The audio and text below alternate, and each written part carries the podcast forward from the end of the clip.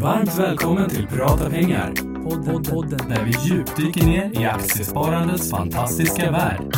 Här kommer Unga Aktiesparares VD Filip Scholtze, investeraren Niklas Andersson och klippan på klippa Patrik Boström.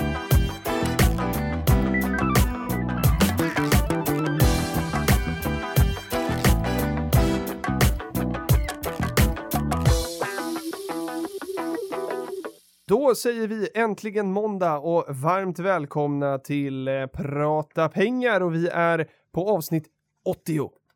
Det är ju jämnt och fint Niklas. Det är jämnt och fint, det är nästan så att vi måste fira det här. Och det gör vi ju, ja, för vi har ju våran Snyggt. kompis som vän, eller våran kompis som vän, våran, våran kompis Tove som gäst.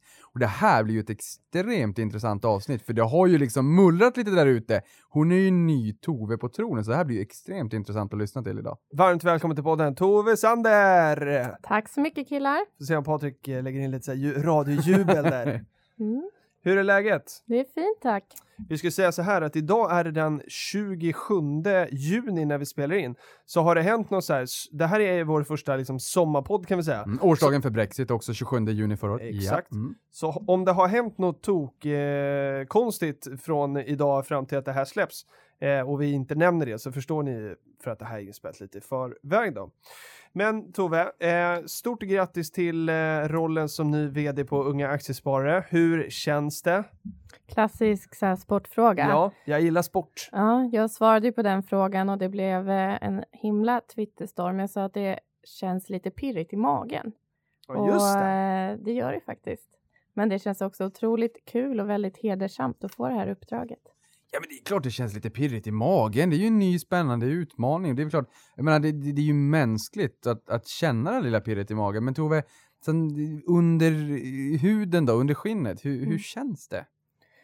Eh, det känns eh, tråkigt att bli av med Filip. Mm. Eh, det känns kul att få ta vid efter honom för jag tycker att det arbetet som vi har gjort tillsammans eh, har varit väldigt bra både för unga aktiesparare men också för alla andra unga sparare där ute. Tack Tove. Ja, varsågod. Och jag håller med dig om det vi har gjort tillsammans. Mm. Ja det kan jag också säga, jag är ju gammal i gamet sen urminnes tider i det här förbundet och är det något jag imponeras över den otroliga sammanhållningen som ni har byggt upp på kansliet. Mm. Eh, och det Skulle säger... bara veta off camera. Ja, ja, men, ja men så, kan, så kan det säkert vara. Jag, menar, jag har ju sett att ni har skrivit när Niklas Uppenberg har gått på toaletten senast och lite såhär Stasi-metoder. Men, men, Det var inte vi, det Nej, var det var inte Johan. det. Det brukar låta så när man är, är on live. Eh, men, men alltså ni, ni har ju gjort ett imponerande arbete tillsammans. Som utbölen kan jag ju säga det, att jag är otroligt djupt imponerad. Eh, och förstår att det är tråkigt att mista Filip, men samtidigt är ju vi fantastiskt glada över att du har tagit över på den här tronen. För det gör att vi också kommer kunna fortsätta att göra mycket tillsammans, hoppas jag. Ja, och det hoppas jag med för det känns ändå bra att ha mer vid sidan av liksom. Och ni kommer ju ändå vara här en gång i veckan och spela in podd. Jajamän. Vi kommer ses en gång i månaden på uppesittarkväll. Mm. Eh, och jag hoppas kanske att vi kommer Du ses. kommer säkert till play och... Ja, men precis. Mm. Eh, så vi blir ju inte av med varandra, men eh, det blir under lite andra former. Och det här Det med blir play, bara en rokad på liksom teamet. det här med play så har, utgår ju jag ifrån att Tove faktiskt också kommer att representera. Eh, för det är ju spännande att få in Ja, det de här Exakt, och Ja, det, det har ja. jag liksom redan Ja, noterat på min balansräkning. Ja, vad bra, vad bra. Vad bra Niklas. Nej, men det, det känns sj- självklart. Så att, och för er som inte hänger med i vad vi pratar om så, så berättade jag i mitten på maj då att jag inte längre ska vara vd för Unga Aktiesparare utan börjar med Niklas på Avanza och därefter tar eh, Tove över då här i mitten på, på augusti. Eh, men eh, ska, vi, ska vi gå in på lite frågor som har kommit in i förra avsnittet? Ska vi börja där Eh, kanske? Ja, men precis. Jag Ja. la ju ut här eh, precis efter midsommar att jag skulle spela in ett avsnitt med er. Och herregud vad frågor vi fick in. Jajamän. Eh, så vi har försökt välja ut några godbitar där som vi kanske kan eh, titta lite på. Det tycker jag. Ehm, och eh, kanske den eh, viktigaste frågan är ändå det vi pratar väldigt mycket om, det här med månadssparande. Och då var det Erik Nyström som ställde en fråga hur vi tänker kring vårt månadssparande och vad avgör vilka bolag ni fyller på med just den månaden och varför. Eh, och för mig så är det lite samma tanke. Vi pratar ju väldigt mycket aktier och börs inne på kansliet. Eh, att man försöker titta lite på vad man har fyllt på föregående månad och vad som det behövs fyllas på någonstans. Det är lite det som styr lite vad jag köper. Verkligen. Mm. Och den här frågan hänger väldigt väl ihop med, med uppesittarkväll som vi gör ju. Mm. Och, eh, och det är precis som du säger att eh, jag, för jag, nu har jag, jag tror att det är 19 bolag i min svenska och 8 i min utländska. Och då vill man ju, eller jag då, jag vill ju fylla på de här minst en gång per år. Så jag brukar fylla på ett till, äh, nu försöker jag faktiskt fylla på två bolag då varje månad. Och då går jag in och kikar på enligt eh, lite olika eh, checkboxar som jag vill så här, kolla på. Vilken, vilka bolag handlade jag för längst tid sen? Så att man liksom får fylla på alla bolag en gång per år. Vilka kanske har gått lite dåligt under den sista eh, sista månaderna här, för då kan man se ifall det har varit någon tillfällig dipp i och med att jag är långsiktig i de här bolagen så kanske jag känner, men då passar det bra. Eh, så att, eh, och sen också så vill jag ha en jämn balans i portföljen så att inte något bolag är liksom tio gånger större än någonting annat. Så att de tre faktorerna brukar jag titta lite grann på. Men sen är det så här, ja, det är, det är svårt att få det perfekt och exakt och sådär. Man får utgå från någonting och så Eh, och så blir det bra längs vägen. Rom byggdes inte på en dag för att använda en klyscha. Alla mm. mina kompisar kommer skratta åt mig för mm. de vet att jag är klyschfille. Mm. Ja. Men Niklas, hur tänker du då när du fyller på varje månad? Oj, jag, jag, tror som så här att... Eller köper nytt, det gjorde du ju i senaste Uppesittarkväll i juni. Ja, men Köpte blir, du nytt bolag? Ja, men jag blir gudförbannad att se den där uh, konken överallt på allas ryggar och jag känner ändå det är ett bolag som jag har läst en del om och man har förstått att Phoenix den, Outdoor. Phoenix Outdoor, man har förstått att det är en, en liksom, historien, ägarfamiljen, det handlar inte bara om pengar, det är en sund affärsmodell. Det är ett välskött bolag om man vill in där. Sen så har den gått en hel del och man känner hmm, hmm, jag är sist på planeten att köpa det här, men samtidigt så nej, jag ska ha det. Helt enkelt. Eh, vet du vad som hände efter uppesittarkväll Niklas? Nej. Eh, då åkte jag raka vägen hem till Enköping till mamma och pappa. och så fick jag en liten present av dem för att jag har blivit VD. Så det var en liten VD-present. Och kan du gissa vad jag fick? En konken! Nej, ett par eh, vandrarbyxor från Fjällräven och en fin flis från Fjällräven. Du, jag säger så här, dina, dina föräldrar är riktigt kloka. De mm. vet hur man gynnar topline i Niklas bolag. eh, men sen är det så här också att om jag ska gå in på liksom varför jag köper och hittar dit, det blir liksom ett helt poddavsnitt och det här är liksom ett avsnitt vikt för Tove tycker jag. Men då kan man säga så här, i mitt jobb så finns det anledningar till varför jag måste skriva exakt hur jag tänker. Jag kommer behöva stipulera ner min investeringsfilosofi och den här kommer att finnas på Avanzas sajt i framtiden. Och jag, först, jag förstår när jag sitter jag och skriver den här. Jag antar att det här kommer gälla mig också då? Ja. Och den, blir bara, den, den, blir bara, den blir bara längre och längre och längre. Mm. Sen så hade jag min compliance-kollega, Christian heter han, jag sa Christian kan du komma upp? Och då sa han, det är klart jag kommer till min favoritinvesterare, då vart jag lite varm i hjärtat. Sen kom han dit och jag bara, så, är det, är det okej okay att skriva ett, ett inlägg, en krönika som blir jäkligt långt på exakt hur jag tänker, så att det blir roligt? är det någonting jag tänker på ligan så är det inte alltid roligt utan det är så här, Nej, salladen i tallriksmodellen, ja. det måste bara vara så här. Och tittar han på mig så här, Ja, det finns ingen motsatsförhållande mellan att det ska vara compliant och roligt, så nu kommer jag skriva ett roligt inspirationellt inlägg i hur jag tänker, men det blir bara längre och längre och längre och längre, så jag tar det där och då tror jag. Men vet ni en annan fråga som jag har fått? Det här är en grej jag velat prata med om så länge. Kör. Alltså, jag har en kompis som heter Jakob Mattsson. Han är någon av de här hemliga Twitterprofilerna på Twitter, mm. men han vägrar säga eh, till mig vem han är. Mm. Och jag har lagt ner så mycket tid på att försöka lista ut det här. Men han i alla fall kollar ju på Uppesittarkväll och mm. följer oss överallt så här. Och han sa det här om sparkvot och vår uppdelning kring det där. Han tycker att vi pratar oftast väldigt höga sparkvoter och är rädd då för att vi skrämmer iväg de här nybörjarna. Mm. Mm. Och jag har ju sagt det lite att vi måste bli ett mer jämställt förbund på Unga Aktiespar. Vi måste få in liksom mm. nybörjarna såväl som de avancerade.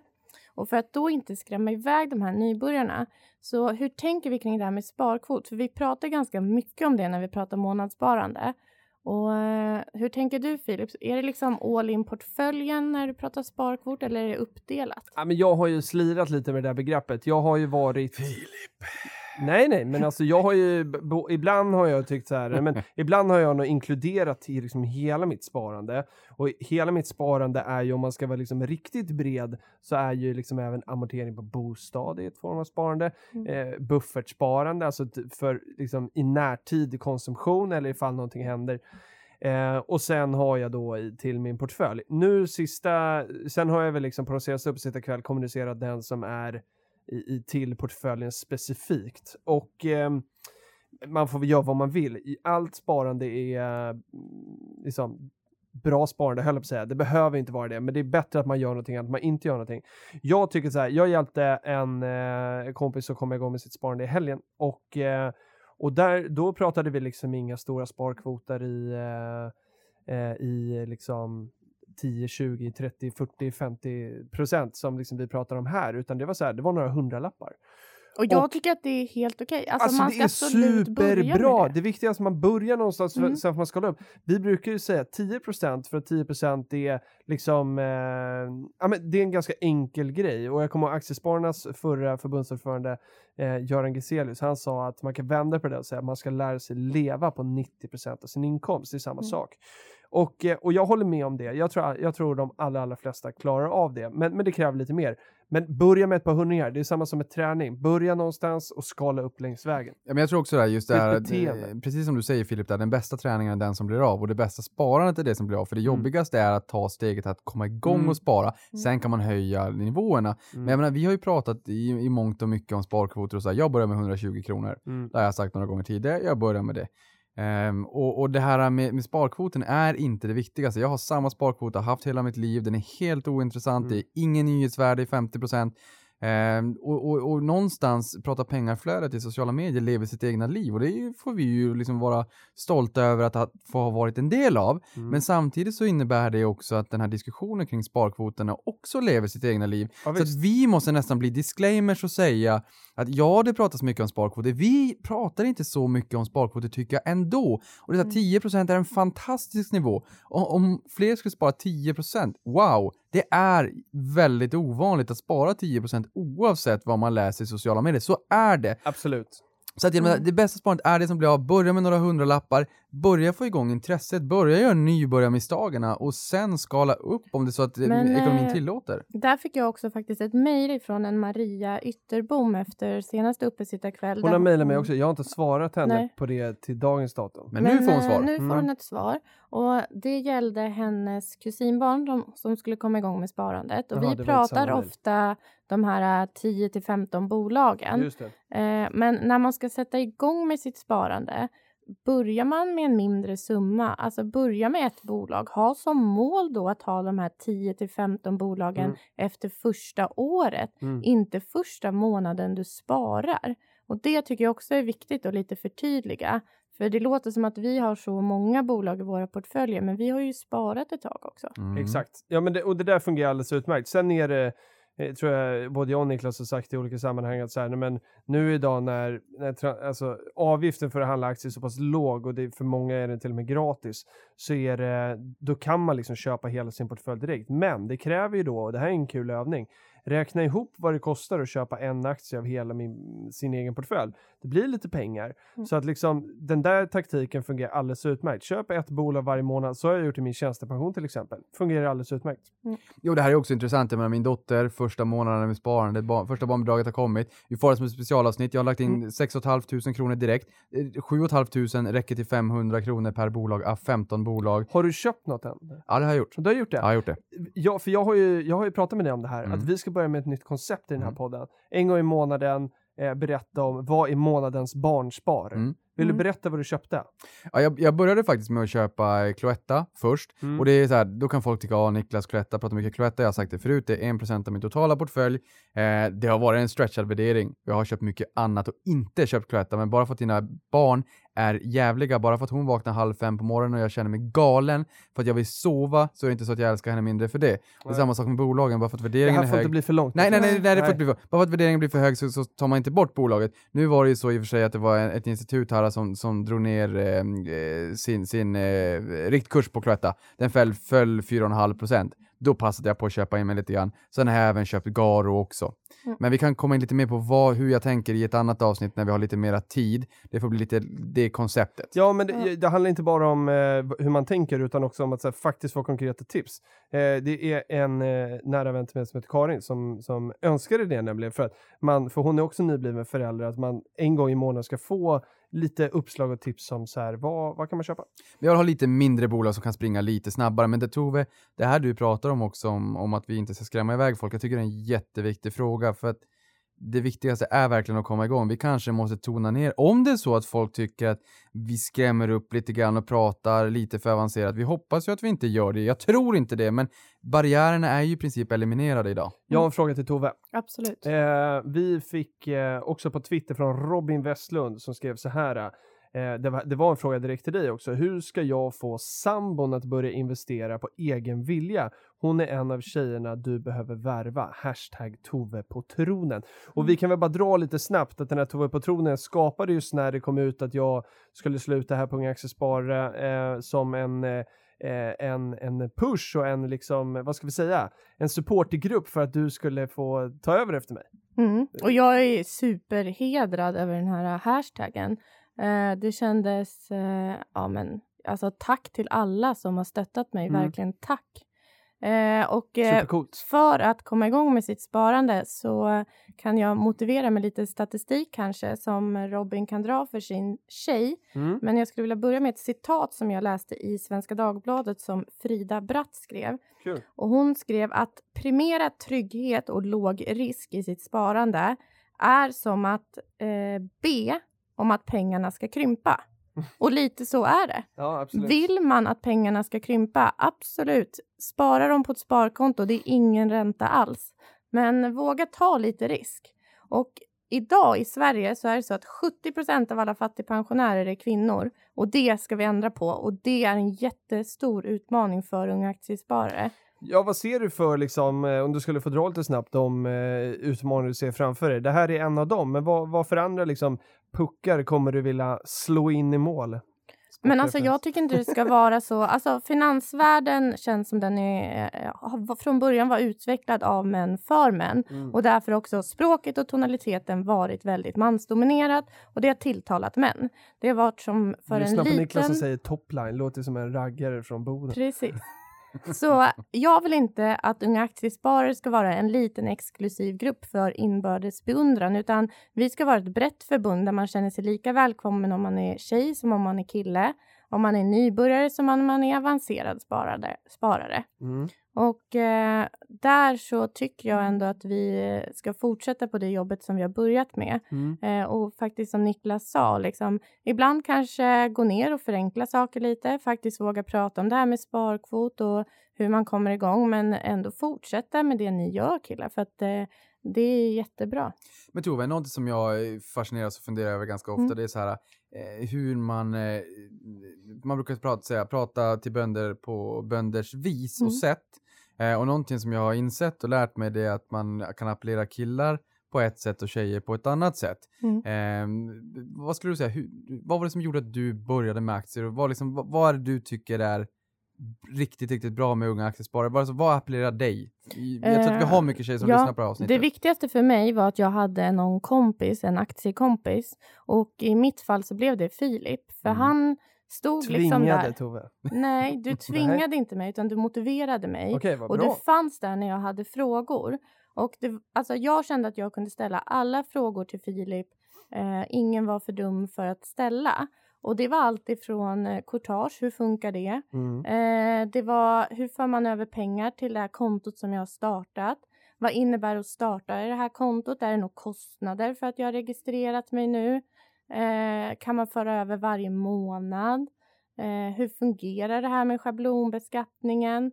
Allt det där. Och jag har liksom kunnat ställa alla de här frågorna till Filip och det har liksom varit det som har gjort att jag har kommit igång. Och det är tack vare Unga Aktiesparare som jag hittade Filip. Och vi har ju liksom 13 000 till sådana här Mm. aktiekompisar som finns där för att liksom hjälpa alla som vill komma igång. Eh, sen tror jag att det är, för tjejer tror jag det är viktigt att kunna ställa frågor för jag tror att vi är inte lika riskbenägna på samma sätt som killar och vill kunna prata mer om Mm. sparande och ställa frågor för att liksom känna oss trygga i det. Vi, liksom, vi går inte all in och satsar på samma sätt som killar gör. Eh, och det märker man lite när vi har så här tjejkvällar. Det Mm. kommer otroligt mycket tjejer. Men när vi har vanliga kvällar så kommer det kanske 20% tjejer. Mm. Det här är rätt du- intressant, för jag måste bara säga här, Ja. vilken stjärna du är som har fått vara den här aktiekompisen med Tack. Tove. Men en grej bara som kort Tove, nu säger jag kort, men Mm. det är för att jag skär lite tid här. V- vad var det som gjorde att du hittade aktieintresse från första början då? Eh, från först, första början så var det ju att jag eh, Alltså jag har alltid haft det där i bakhuvudet. När jag började jobba på bank där på Sparbanken i Enköping när jag var 18 år så höll ju Fredrik och Olof, de som stod bredvid mig i kassan, höll ju på med aktier. Mm. Jag fattade ingenting men tyckte att det verkade bra men vågade inte ställa frågor Nej. och förstod inte riktigt vad de pratade om. För det var mycket analyser, grafer, Excel Mm. eh, och det kändes väldigt komplicerat. Men sen har det där legat någonstans i bakhuvudet hela tiden och tickat på. Än mer när jag jobbade med Günther det där året för att det var ju liksom aktiesnack varje dag. Mm. Eh, men det, det som liksom krävdes den här lilla pushen för att jag faktiskt skulle liksom ta tag i det, det var Filip eh, som blev min aktiekompis och att jag då förstod att de här bolagen som jag gillar och sakerna jag använder och det, det finns på börsen. Mm. Det är mycket roligare att investera i saker som du vet vad det är och som du använder än att eh, leta upp så här förhoppningsbolag eller sådana här bolag som man bara hört talas om som man inte riktigt vet vad de gör. Mm. Eh, Nej, och det, jag håller helt med dig och, eh, och jag tror att många Liksom, man, man behöver, för jag kanske var med och gjorde den här första procenten då i att bara liksom knuffa dig liksom över, för jag tvingade absolut inte det, jag skulle aldrig tvinga någon, men, men eh, jag tror att man behöver, det jag menar med det var att man kan nog behöva en liten första knuff, men sen är det väldigt mycket tycker jag att man bara finns tillgänglig, för att liksom jag, jag har ju lärt mig otroligt mycket av liksom den här resan, liksom samma resa som du har gjort. För du har just kommit till mig och ställt massa frågor, kommer påståenden, man har fått fundera och fundera, kolla upp väldigt ofta, men hur är det här nu, funkar igen? Eh, för jag läste någon gång för sju år sedan och glömt bort och sådär. Så att liksom, och det är samma, repetition, repetition, repetition. Så att liksom hjälp varandra, det blir otroligt kul och, och jag upplever också det du säger att eh, killarna är nog inte lika verbala, de står hellre liksom i ett hörn, höll jag på att säga, men liksom står i ett hörn och ser lite cool ut, ser ut som att de är snajdiga aktiehajar liksom, eh, men vågar kanske inte liksom berätta om vad de egentligen har, för skrapar man på den ytan så kanske inte är så, så jäkla mycket egentligen. Man kan slänga sig med svåra ord som man pratar över huvudet på folk, men skrapar man på ytan där också så, så, så finns det inte så mycket bakom. Så killar och tjejer kanske ska lite- mötas lite i det här så får vi liksom en, en schysst, eh, vad heter det, schyssta sammanhang och hjälpa varandra i. Ja men precis och det var ju lite liksom därför jag startade det här Tankar med Tove Mm. som är bara en minuters korta videos där Mm. jag förklarar liksom begrepp. Mm. Eh, och det är ju saker som jag har undrat och saker jag har frågat Filip. Mm. Och då tänker jag att det måste ju vara fler som undrar det här. Och har man då ingen att fråga kan man alltid kolla på det där klippet. För det Mm. tar inte mycket tid och jag hoppas att man får svar på sina frågor. Och, och det som är så jäkla, det som du har gjort jäkligt bra med det och som jag också har lärt mig väldigt mycket på. Det är att, att eh, ibland om man kan liksom, eh, för det, precis som du säger, du har, fått en, du har ställt en fråga till mig, jag har försökt liksom förklara det här på något sätt och sen när du har förklarat det med egna ord, det har blivit tankar med Tove. Och när du har förklarat det med egna ord har det blivit så mycket bättre än när jag har förklarat det för dig. För att jag krånglar ofta till saker, Mm. liksom, saker och ting. Man gör det liksom, det är också ett problem att ju mer man lär sig desto svårare blir det att göra saker enkelt. Och det vi håller på med handlar väldigt mycket om att göra saker enkelt. Så att liksom, man behöver inte, det är därför jag pikar dig Niklas ibland med topline och det här liksom svåra lingot. Eh, för att ibland ska man bara göra saker så, så rent som möjligt. För det är då man får med så många som möjligt tror jag. Ja men så blir det. Alltså, jag älskar ju fikonspråket. Ja, samt- det ska finnas en Eh, utbildningsfaktor i det, men, men förstå vad jag menar. Ja, jag älskar fikonspråket och jag älskar också att vi förklarar vad vi menar när vi pratar fikonspråk Ja. för att lyfta eh, lyssnarna. Men samtidigt, så här, Tove har ju gjort det här väldigt bra, förklarar väldigt enkelt så här, och, och, och förklara de här termerna på en minut. Mm. Eh, jag skulle aldrig kunna göra det. Alltså jag, jag kan ju inte hålla mig jag, kort. Niklas. Vi har alla våra talanger. Ja. Men eh, sen tycker jag också så här, alltså tjejer, jag vet att ni lyssnar på den här podden nu, kom igen. Alltså skit bara i att ni är tjejer. Tänk istället Mm. på att det är kul att spara. Exakt. Alltså sätter vi oss själva i ett fack för resten av livet så kan vi liksom redan ge upp nu. Alltså bara kom igång. Alltså det är bara utmana dig själv. Fram till nästa poddavsnitt ska du ha öppnat en depå och satt in 100 kronor. Då är du liksom igång. Mm. Verkligen. Gör Men- inte mer komplicerat än vad det är. Vill du prata något mer om den här eh, fackbiten innan vi går in på lite skillnad mellan tjejer och killar, killar på riktigt i deras sparande? Jag tänker på det här pirr i magen som du eh, började med. Mm. Ska, vi, ska vi ta det lite snabbt? Vi kan ta det lite snabbt. Ja. Så här, du fick ju, eh, Vilken är, vart var det du sa att du var lite pirrig i magen? Eh, det var ju en intervju jag gjorde för Aktiespararna. Just det, Mm. och då hamnade det här i rubriken. Mm. eh, Att du var lite pirrig i magen. Och eh, jag tror ingen av oss reagerade på det egentligen. Eller tänkte speciellt mycket. Eller inte alls. Jag gjorde inte det i alla fall. Och inte du heller. Och sen så, eh, Elin Helander som har gästat den här podden, så skrev hon på Twitter var det va? Att så här, eh, jättegrattis till dig och hit och dit och sådär. Och, eh, men sen att det var helt sjukt att man kunde sätta en sån rubrik och att så här, den här rubriken hade man aldrig satt på en kille. Eh, och, eh, och, och det här eh, pratade du och jag tidigare om idag och då, för att du tog upp det och sa att liksom eh, det här var, det blir så fel från två olika håll. Vill du utveckla det? Men jag tycker att det blir fel från början när så här, faktum läggs på att jag är kvinna och inte på att jag är ny vd på Unga Aktiesparare. Mm. Alltså jag har fått ett uppdrag som eh, vd för Unga Aktiesparare. Sen att jag är kvinna gör att det blir liksom ett himla hallå. Mm. Eh, och det är jättekul att man har valt en tjej. Men det hoppas jag är för att jag är kompetent och inte för att jag är kvinna. Och sen är det också frågorna jag får. Det är liksom, man kommenterar vad jag har på mig, man Mm. kommenterar att jag har vita tänder. Det är liksom kommentarer som ni har aldrig fått dem. Nej. Aldrig. Nej. Nej. Aldrig. Jag, jag sitter och funderar på vad jag har fått för konstiga kommentarer, men jag Mm. vet inte, att jag dricker för mycket vatten i uppesittarkväll. Exakt. Mm. Nej men aldrig sådana kommentarer, Nej men liksom. Nej verkligen inte, det är en stor skillnad. Men då, samtidigt Filip, när du, vart, när du sa att du skulle komma och, Mm. och joina mig, Mm. den rubriken var citationstecken två fantastiska år. That's it. Ja det var det. Ja Mm. just det. Just det, just det. Men var det någon Sant. som kommenterade något på den rubriken? Nej, det tror jag inte. Ehm, och, ehm, nej, men jag vet, och vi skulle säga att den här rubriken ändrades sen, men det som det du menar i det här, det du tog upp för mig tidigare idag, var ju att både så här att, eh, okej, rubriken kanske var lite slarvigt satt på något sätt, man fokade på, på en sån grej istället för vad du faktiskt skulle göra eh, och din känsla, men också liksom attacken, att det är Mm. så här, för du kände, du förklarade för mig att du inte vill vara det föremålet sådär på något sätt, utan det är så här bara gilla läget, jag ska bli vd för Unga Aktiesparare, that's it liksom. Mm. Ja men det är just det också, titta på performance och titta på Mm. människan. Det blir riktigt om det är tjej eller kille, det är helt oväsentligt Men alltså hela egentligen. genusdebatten kommer liksom igång bara för att det är en tjej. Och det är lite Precis. det jag tycker är så jäkla tråkigt. Mm. Att det är så här... Eh, och samma sak med det här med tjejer och sparande. Alltså så här, skit i att vi är tjejer, skit i att jag är en tjej som har blivit vd. Fokus på innehåll och vad man vill. Mm. Alltså så här, jag ville verkligen det här, där försökte jag tjänsten. Vill man verkligen komma igång med sitt sparande så kan man det även om man är tjej. Alltså väljer man från början att sätta något i fack eller döma det för utseende eller vad den har för Mm. kön. Det är liksom kört från början. Sen är det ju liksom, det är klart att hela den här världen har haft en utmaning i att det har varit väldigt mansdominerat och det är klart att man kanske hejar lite extra när, när det blir en tjej. Men det vi hoppas är ju, det är ju att all, och det, det tror jag verkligen, det är att alla hejar på dig Tove för att du är Tove och inte för att du är tjej. Nej. Men precis lika mycket som jag nu kommer jobba för att den här världen ska bli mer jämställd Mm. så hoppas jag att jag har med mig er på det tåget också. För det är jätteviktigt Det att vi är både lita på. tjejer och killar som jobbar för det här. Det kan du lita på. Mm. Eller Niklas? Ja men alltså jag, jag kan tycka också så här, det här är ju någonstans i vår generation, jag tror, jag vet inte, men jag tror att det är någonstans en självklarhet.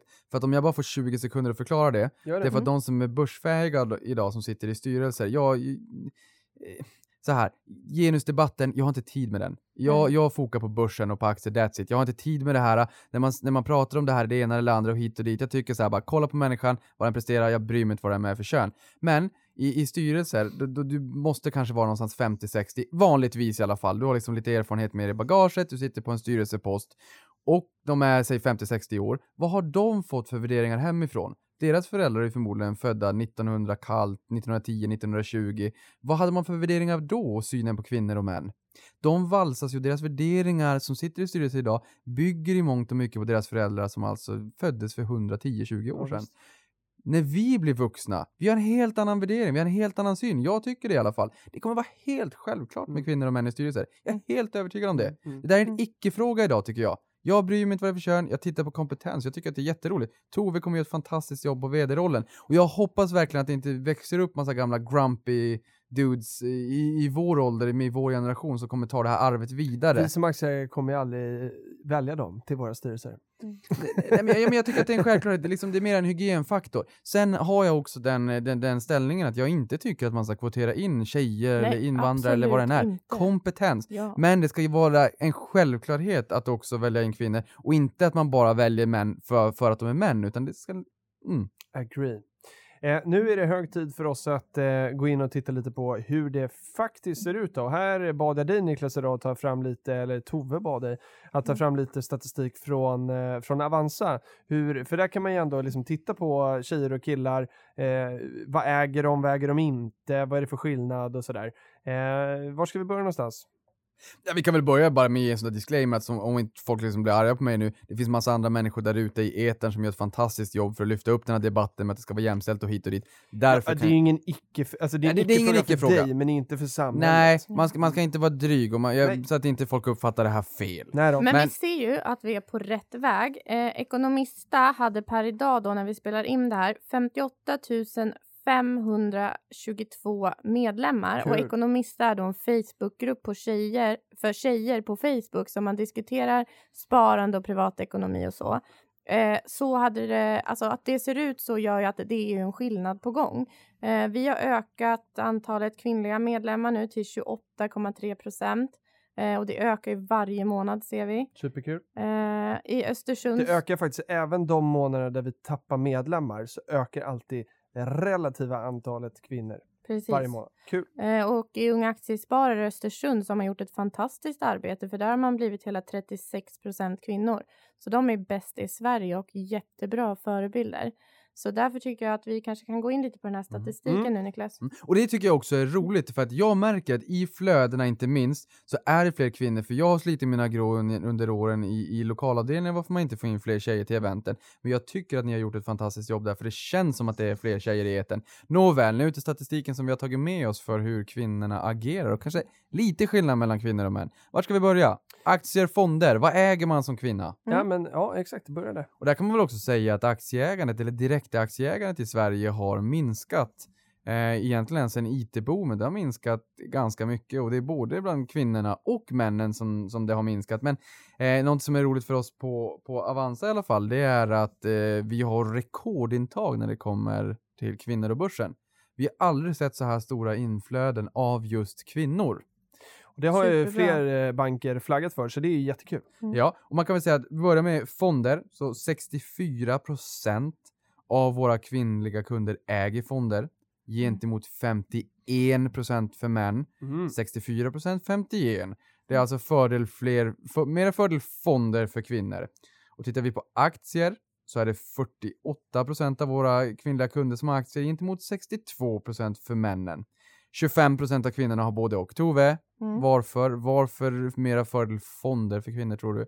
Om, om eh, mera fördel aktier för män? Eh, Jag tror det har att göra med hela den här eh, som vi pratade om innan med risktagandet. Och sen tror jag att eh, man kommunicerar mer fonder till kvinnor. Alltså så här när man gör de här sparkalkylerna som man får när man går in på bankerna så blir det oftast rekommendation på fonder.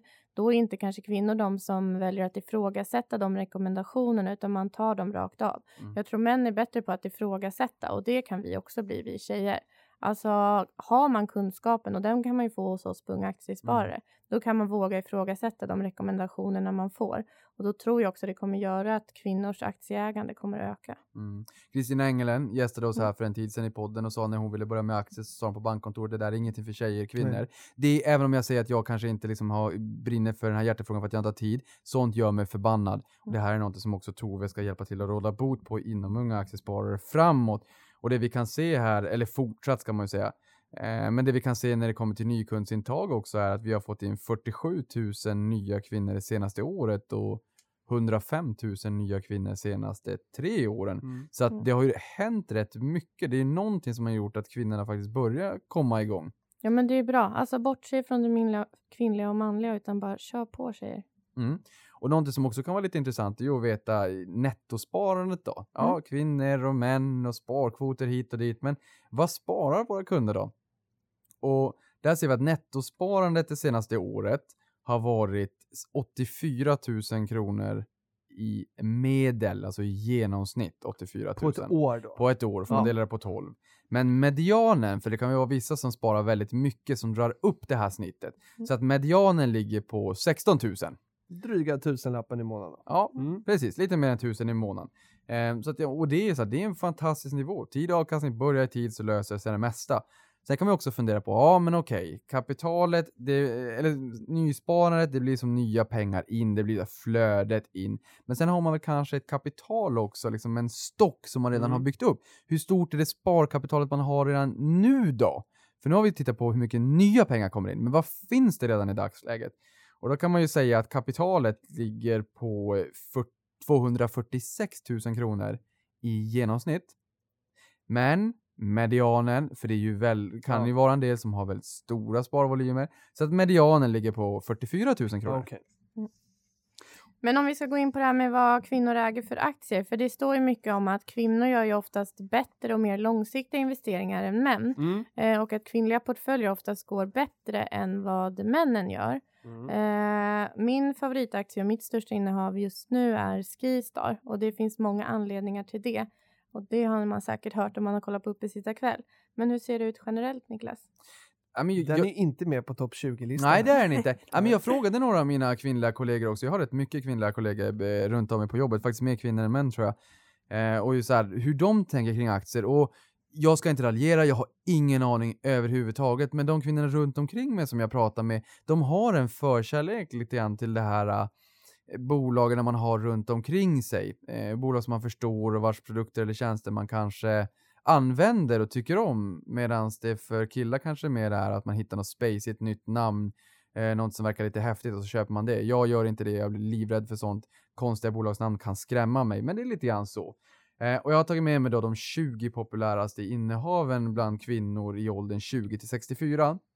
Vi hinner inte gå igenom alla, men Nej. vi kan ta några. Ja, men och där kan man väl säga Avanza Zero blir, är den mest populära. Det är ju en fond. Mm. Sen har vi Spiltan aktiefond i investmentbolag, har varit omåttligt populär. Ytterligare en fond. På tredje plats så har vi... Sverige båda två i alla fall. Mm. Sverige båda Ja. två. På, eh, på tredje plats så har vi första aktien då och det är Hennes och Maurits. Sen kanske vi kan fortsätta egentligen med, med aktierna om, om man Ja, tycker vi att det är mest intressant. Då får vi gå en bit ner på listan och sen hittar vi Investor. Båda ni vet, jag gillar ju investmentbolagen. Man får liksom en bred underliggande exponering, ett bolag som äger många underliggande bolag. Sen har vi ändå lite längre ner Kinnevik, Mm. ytterligare där igen ett investmentbolag. Lite förkärlek online. Eh, sen har vi Fingerprint Ja, Cards. den chockar mig Ja, lite, den alltså. chockar mig lite också. Den känns som en sån här... Uh, Nej, men den känns som att den är typisk på killtopplistan. Ja. Ja, men sen vet man inte ifall det är så här att det är, bara för att det är topp 20 populäraste innehaven bland kvinnor så betyder det ju inte att det är den största positionen eller sumobrottaren på Nej, det relingen på liten vara. eka. Nej, det finns mer. Liksom. Kan Nej, ju vara. Så, så kan det vara. Alltså det kan ju vara, det kan ju vara så att killarna har eh, Fingerprint som, som såsbasen, ja, matlagningsgrädden, och kvinnorna har en som, som Absolut. krydda cayennepepparn. Det vet jag inte. dyker upp. Eller Jag jag var vet, jag hade ju kunnat kolla i och för sig. Mm. Men kul, det kanske inte skillnaden är så stora. Nej, det kan inte vara, nej absolut. Men bland de som har minst en aktie Mm. så är medianantalet tre stycken. För det här är också lite intressant. Hur ser man på riskspridning? Mm. Aktiespararna säger 10 till 15 aktier, 56 olika branscher. Eh, och det här eh, rimmar ganska mycket med hur vi ser att våra kunder beter sig överlag. Man nöjer sig med ett axplock, några bolag. Mm. Alltså en till tre bolag. Där tycker jag liksom att man kan ju få upp det lite grann i alla fall, att man breddar lite grann.